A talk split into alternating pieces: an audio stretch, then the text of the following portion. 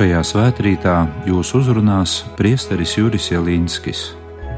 Lasījums no Jēzus Kristus evaņģēlija, ko uzrakstījis Svētais Jānis.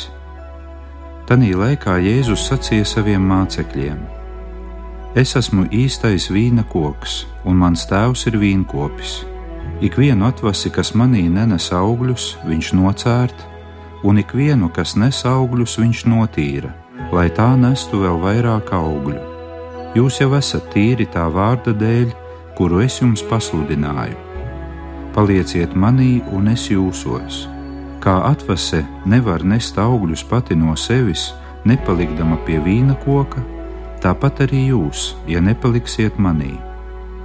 Es esmu vīna koks, jūs atvases. Kas paliek manī un es viņā, tas nes daudz augļu, jo bez manis jūs nekā nespējat darīt. Ja kas manī nepaliek, tas tiek izmests ārā kā zars un nokalsti, un tos paņem un iemet ugunī, un tie sadeg. Ja jūs paliksiet manī, un mani vārdi paliks jūsos, lūdziet, ko vien gribat, un tas jums notiks Ar to tiek pagodināts mans tēvs, ka jūs nesat bagātīgus augļus un kļūstat mani mācekļi. Tie ir svētā evaņģēlīja vārdi.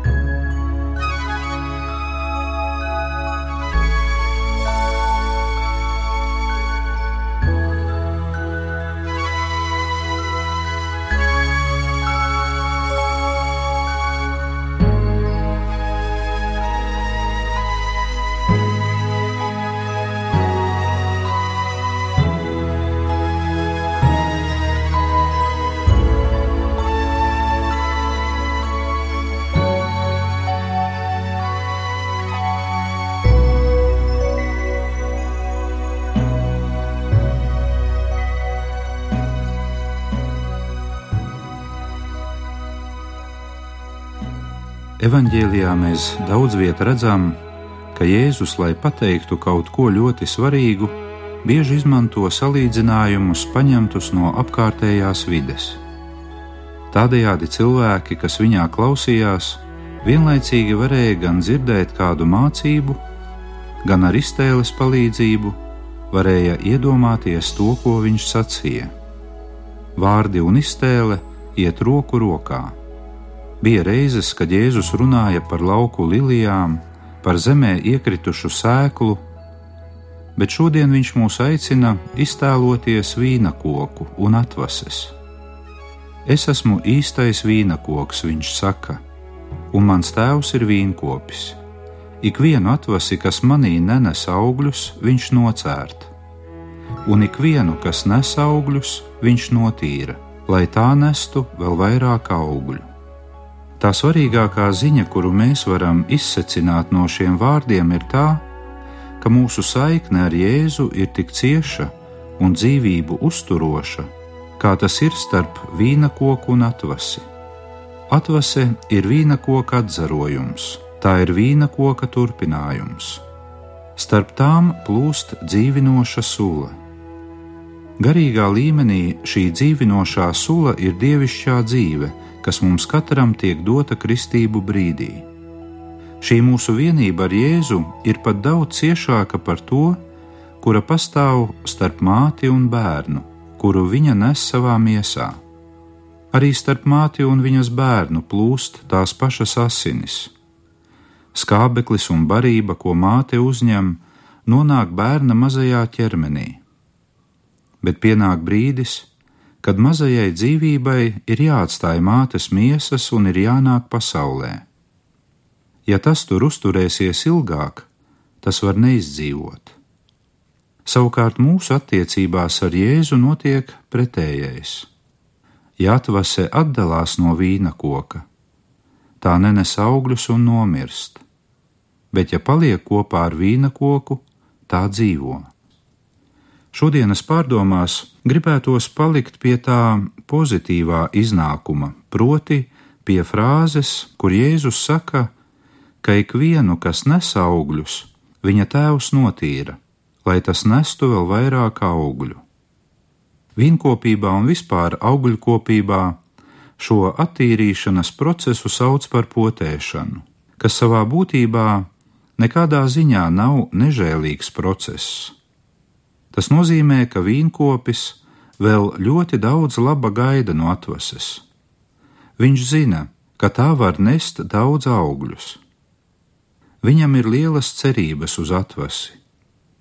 Un tas pats notiek arī garīgajā līmenī. Kad Dievs ienāk mūsu dzīvē, lai mūs attīrītu ar pārbaudījumu un krusta starpniecību, tas nenozīmē, ka Viņš ir sadusmojies uz mums. Tieši pretēji, kā apgalvo apustulis Pāvils vēstulē ebrejiem, tos, kurus kungs mīl, tos viņš pārmāca. Mums gandrīz vai vajadzētu kaut kur pat sākt uztraukties, ja viss mūsu dzīvē norit bez starpgadījumiem, ja tā var teikt pa vieglo. Bībelē bieži dzirdam taisnīgos sūdzamies, ka ļaundariem labāk klājas, ka viņiem visu mūžu nav nekādu bēdu, un cilvēku grūtības viņus nespiež.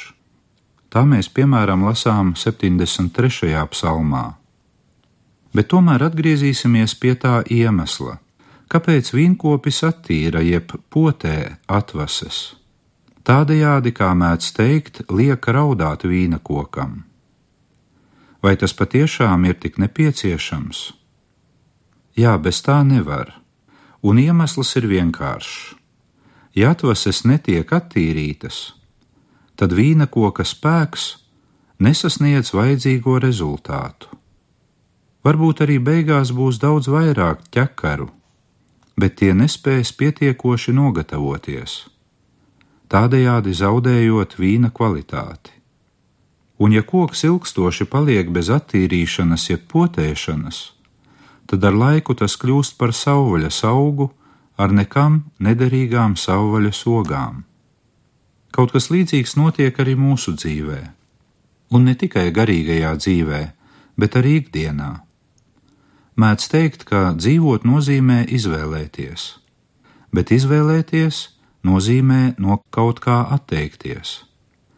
Patiešām, ja cilvēks savā dzīvē vēlas izdarīt milzumu daudz lietas, ja viņa intereses un hobiji plešas uz visām pusēm, tad viņš kaut kur pazūd, izšķīst un bieži nesasniedz neko. Tāpēc ir nepieciešama drosme izdarīt izvēles ir nepieciešams atstāt malā sekundāras lietas, lai koncentrētu uzmanību uz dažām galvenajām lietām. Un tas nav nekas cits kā potēšana, jeb sevis attīrīšana. Un, protams, tas ir vēl daudz svarīgāk ticības dzīvē. Mēs visi tiecamies pēc pilnības, pēc svētuma, un svētumu šai ziņā mēs varam salīdzināt ar tādu mākslas veidu kā skulptūra. Leonardo da Vinci skulptūru savā laikā ir raksturojis kā liekā noņemšanas mākslu. Ja citos mākslas veidos gala rezultāts tiek sasniegts kaut ko pievienojot klāt, glezniecībā, piemēram, liekot krāsas uz audekla, arhitektūrā liekot akmeni uz akmens, mūzikā pievienojot notīm vēl kādu citu noti klāt, tad vienīgi skulptūrā gala rezultāts tiek sasniegts, noņemot visu to, kas ir lieks. Tāpat arī sevis garīgās pilnveidošanas ceļā ir jāiet uz priekšu, ļaujot, lai no mums nokrīt liekie un nevajadzīgie gabali, tādi kā mūsu nesakārtotās tieksmes, ambīcijas, pārliekā pieķeršanās materiālajām lietām un daudz kas cits, kas mūs izkaisa uz visām pusēm, traucējot koncentrēties uz pašu galveno. Kādu reizi lasīju, ka slavenais Michelangelo, pastaigājoties ar saviem draugiem pa vienu no Florences parkiem, piepeši parka stūrī ieraudzīja zālē ieaugušu, ar putekļiem un smiltīm apklātu marmora bluķi. Viņš uz mirkli apstājās, paraudzījās uz šo necilo bluķi un draugiem ar sajūsmu teica: Šajā marmora bluķī ir apslēpts eņģelis. Man tas ir jādabū laukā. Tad viņš lika šo marmora gabalu aizvest uz savu darbnīcu, paņēma kaltu un citus instrumentus, un rezultātā iznāca mākslas šedevrs. Dievs arī mūs līdzīgi uzlūko, un redzot katrā it kā tādas marmora sagataves, pats sev saka: Lūk, šajā cilvēkā, tur viņa iekšienē ir apslēpta jauna radība, mana dēla Jēzus Kristus attēls. Mēs varētu pat teikt, tur ir apslēpts skaists eņģelis, un man viņš ir jādabū laukā. Un ko tad Dievs dara? Viņš paņem skulptora instrumentus, kas ir mūsu cilvēciskie krusti, un sāk strādāt. Viņš paņem dārznieka šķēres un sāk attīrīt atvases. Un šeit nav jādomā par kaut kādiem smagiem un nepanesamiem krustiem. Parasti nekas jau īpašs netiek pievienots pie tā, no kā sastāv cilvēka dzīve ar savām grūtībām, ikdienas darbu un dažādiem pārbaudījumiem. Tas viss tiek izmantots, lai mūs attīrītu. Dievs palīdz, lai nekas no tā visa nebūtu veltīgs. Protams, nevienam nav patīkami brīži, kad no tevis tiek nokalts nost kāds gabals.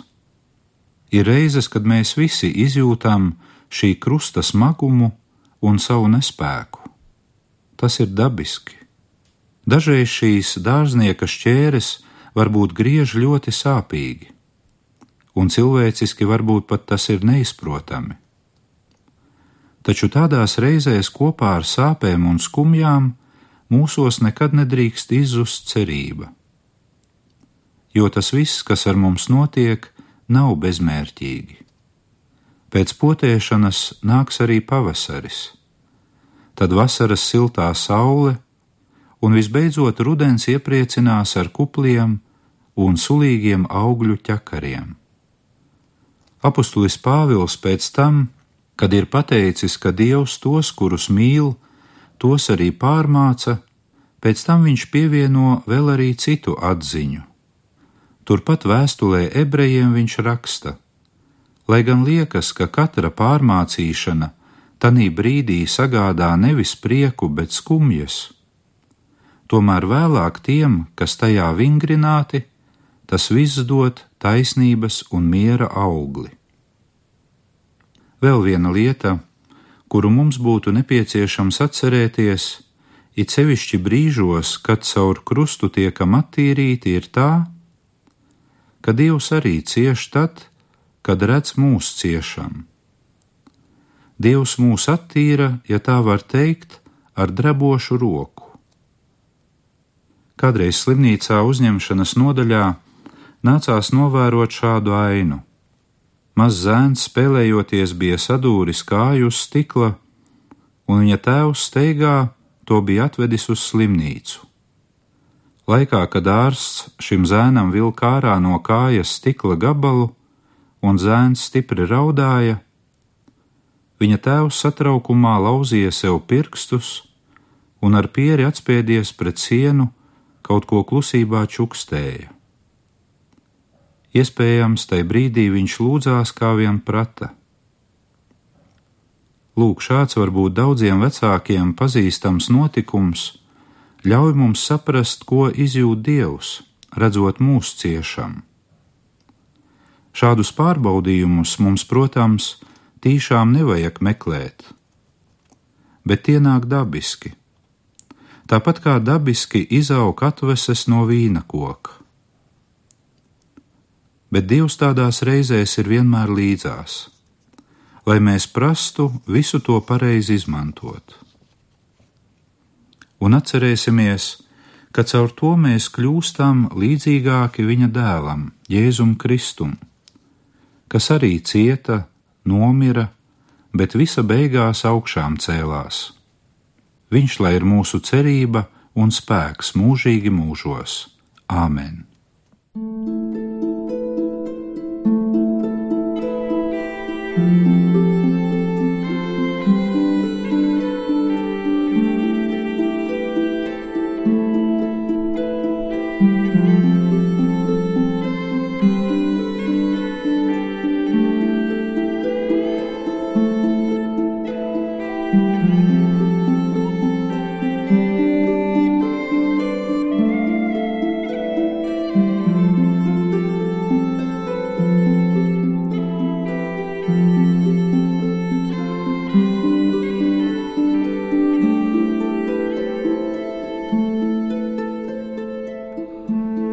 Noslēgsim mūsu pārdomas ar paļāvības pilnu lūgšanu uz debesu Tēvu. It sevišķi lūgsim par tiem, kuri pašreiz dzīvē nes uz saviem pleciem kādu pārbaudījumu. Pat ja līdz galam mēs visu nesaprotam, pat ja uz daudziem jautājumiem mums nav vēl atbilžu, tad uzticēsimies Dievam kā Tēvam jo tādās reizēs lūgties uz Dievu tas ir ļoti atbilstoša un cilvēka cienīga rīcība. Tēvs mūsu, kas esi debesīs, svētīts lai top tavs vārds, lai atnāk tava valstība, tavs prāts, lai notiek kā debesīs, tā arī virs zemes. Mūsu dienascho maizi dod mums šodien, un piedod mums mūsu parādus, kā arī mēs piedodam saviem parādniekiem. Un neieved mūsu kārdināšanā, bet atpestī mūs no ļauna. Āmen!